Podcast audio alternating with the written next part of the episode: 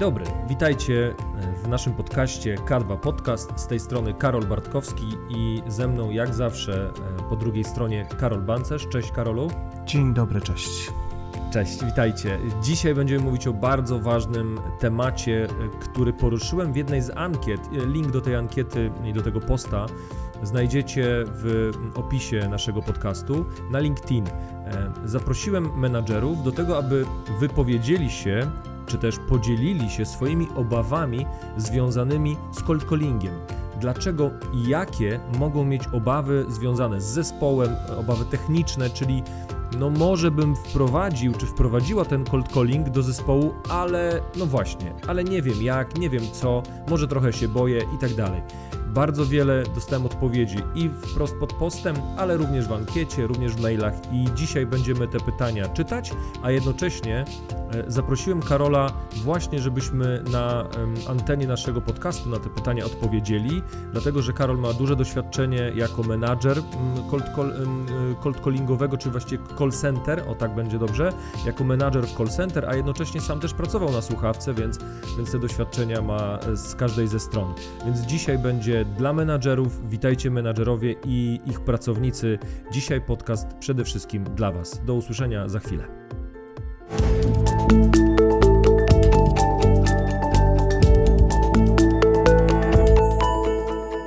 Jesteśmy. Zatem jeżeli mamy odpowiadać na pytanie, no to warto te pytania najpierw poznać. Czyli e, niektóre z nich zostały, tak jak wspomniałem, podane w komentarzach pod postem, ale niektóre przyszły do mnie mailem z prośbą o anonimowość. I okej, okay, ja to bardzo e, jak gdyby szanuję. I tutaj e, pierwsze takie właśnie jest pytanie, które do mnie przyszło mailem. Mogę tylko powiedzieć, że od pani menadżer, która pyta, czy też ma taką wątpliwość.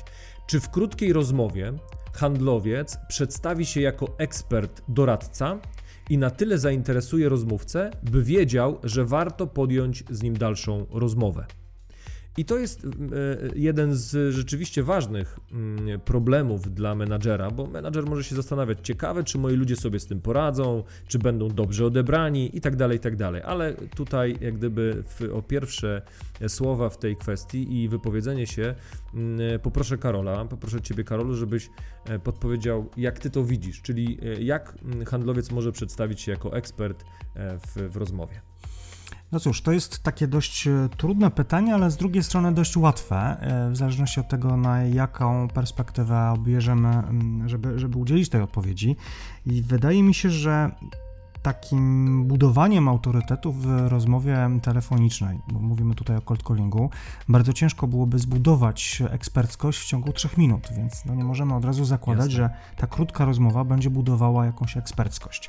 Z drugiej strony, mm, jeżeli zastosujemy pewne techniki na przykucie uwagi naszego rozmówcy, czyli tak potocznie mówiąc, tak zwany hak na uwagę zastosujemy, no to nie ma co tutaj budować eksperckości. Musimy przede wszystkim zachęcić do rozmowy, do poświęcenia nam, czy tej rozmowie, kilku minut najbliższych.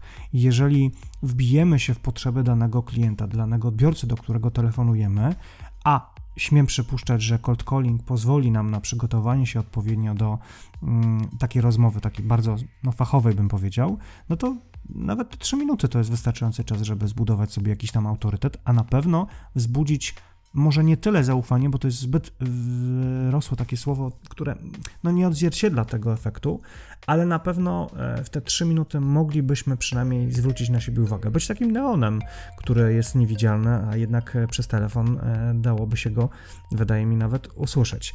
Mm, co bym tutaj jeszcze dodał? Na pewno dodałbym to, kim jesteśmy albo z jakiej firmy, organizacji telefonujemy. Jeżeli jesteśmy organizacją jakąś no-name, no to rzeczywiście ciężej będzie nam się przebić do e, rozmówcy. No ja mogę powiedzieć ze swojego e, jakby poletka, e, telefonując czy wykonując jakieś telefony do moich, czy nawet potencjalnych klientów, czy do potencjalnych rozmówców, bo też trzeba wziąć pod uwagę, że ja nie zawsze mam klienta, ja mam zawsze jakiegoś rozmówcę, to bardzo często w mojej akurat sytuacji, w mojej branży wystarczy podać moje nazwisko, ja tak się przedstawiam i automatycznie nie mam z tym absolutnie żadnego problemu, żeby dotrzeć na przykład do e, prezesów jakiejś firmy, pomijając nawet sekretarki. Ja do wielu prezesów no, mam bezpośredni kontakt z uwagi na to, co robię i zdarza mi się wykorzystywać te kontakty, telefonować, e, no, to jest kwestia też takiego zaufania e, po drugiej stronie, tak? Jeżeli nasz rozmówca będzie nas znał albo będzie nas kojarzył, no to, to czemu nie? No jeżeli cold calling poprzemy również takimi działaniami na mediach społecznościowych, dodamy y, do znajomych ten, ten, ten menadżer, do którego telefonujemy, będzie już nas mniej więcej kojarzył, przynajmniej nazwisko e, z mediów społecznościowych, no to chyba jest to właśnie budowanie eksperckości, ale to nie oznacza, że w trakcie tej krótkiej rozmowy zbudujemy od razu z siebie eksperta. To jest chyba raczej niemożliwe. No właśnie, to też, też tak uważam, że oczywiście może y, nie tyle niemożliwe, żeby rzeczywiście zbudować, chyba że potrzeba jest ogromna po drugiej stronie, to, to właściwie wtedy z drugiej strony to nie potrzeba eksperckości. Ale y, jednak gdybyśmy chcieli wesprzeć y, tak jeszcze bardziej panią menadżer w kontekście to co ona mogłaby, czy, czy on jako menadżer, mogliby E, podpowiedzieć swoim handlowcom, czyli e, rozumiem, że się obawiasz, mój drogi handlowcu, telemarketerze, e, wiem, że, że jak gdyby tutaj od Ciebie dużo zależy, jak nam to dalej pójdzie, to chciałbym Ci, chciałabym Ci pomóc. I jak menadżer mógłby wesprzeć właśnie takiego handlowca E, czy jakimś, wiesz, dobrym słowem, czy może pamiętasz jakieś takie swoje metody, techniki, a może takie, które twoi menadżerzy, szefowie na tobie, czy wobec ciebie, oni na tobie, tylko wobec ciebie stosowali. Mhm. Wiesz co, ja mogę powiedzieć tak naprawdę z perspektywy menadżera, który zarządzał call center, a więc dużo bardziej zaawansowanymi rozwiązaniami, czy też organizacjami, które E, w swojej strukturze miały odpowiednie działy telemarketingowe. Tutaj mam na myśli e, outsourcingowe call center, in-house'owe call center, bo i w takiej też pracowałem.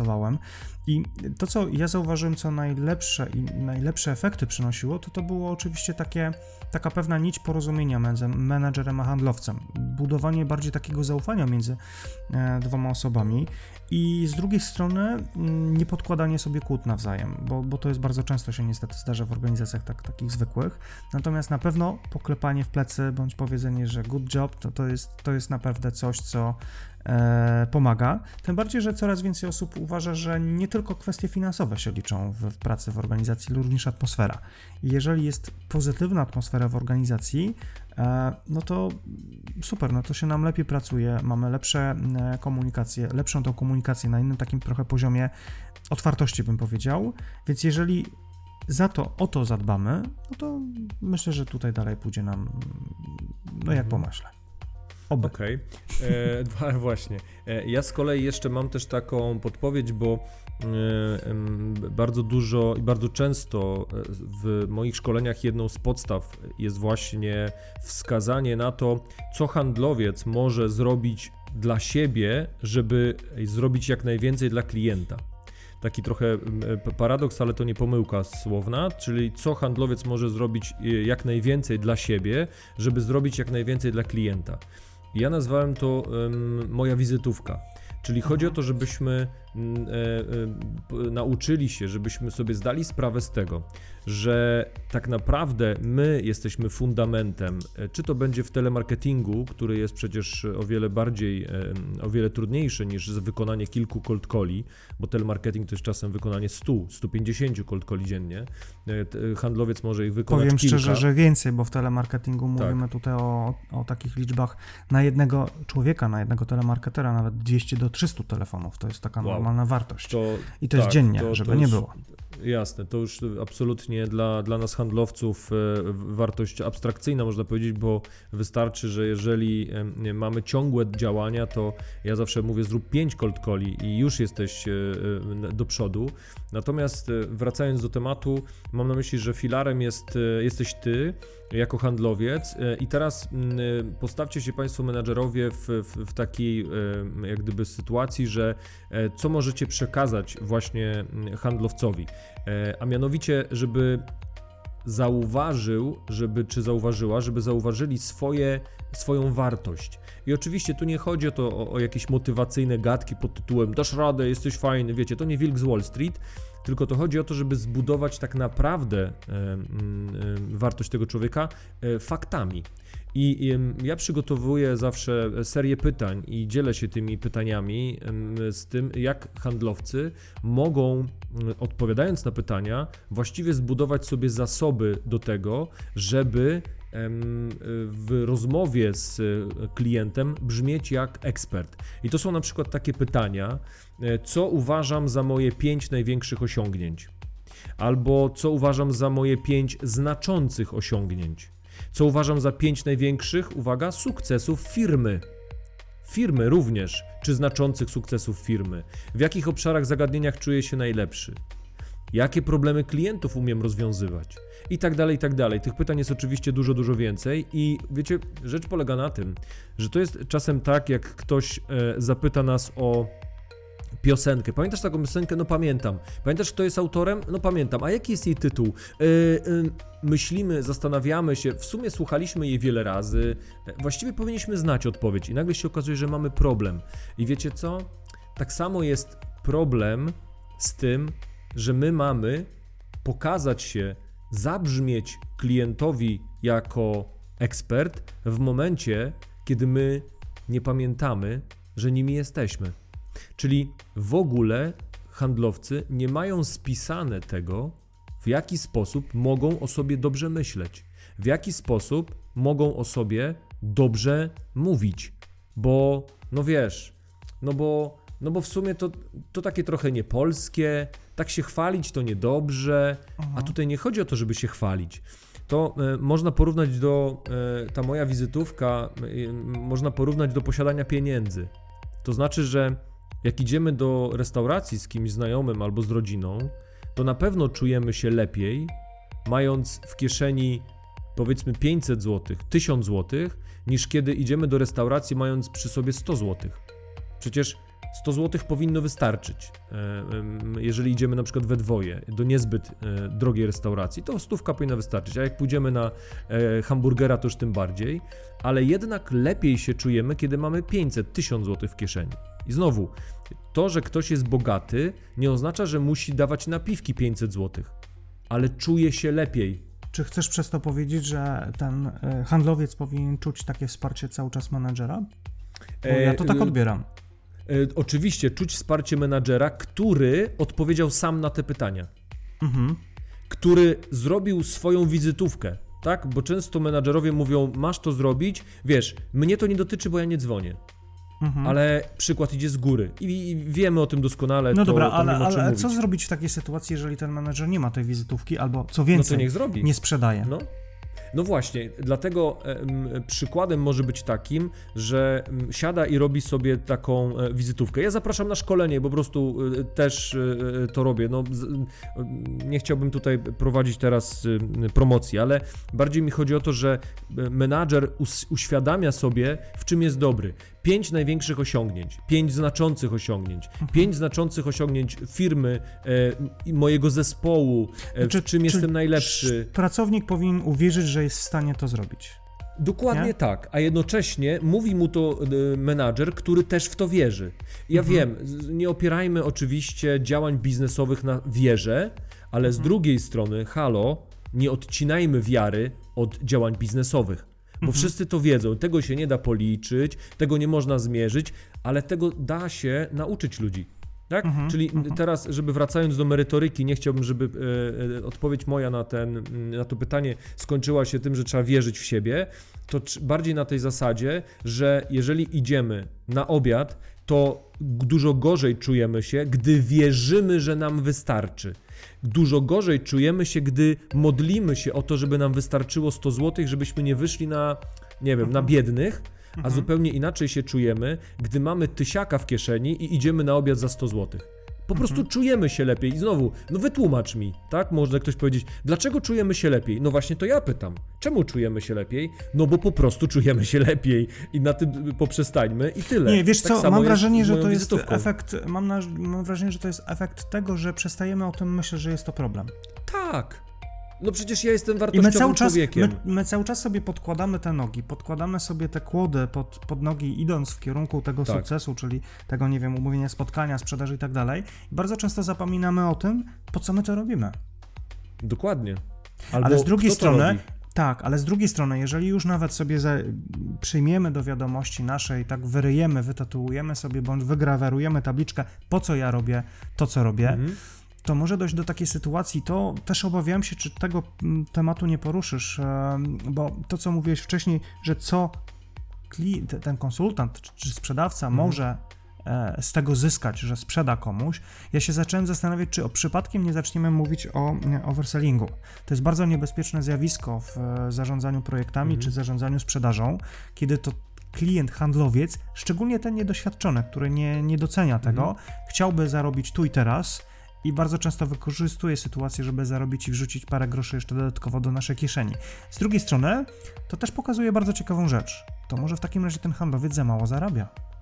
Mhm. Skoro jest on skory do tego, żeby trochę nagiąć rzeczywistość i zarobić większe pieniądze.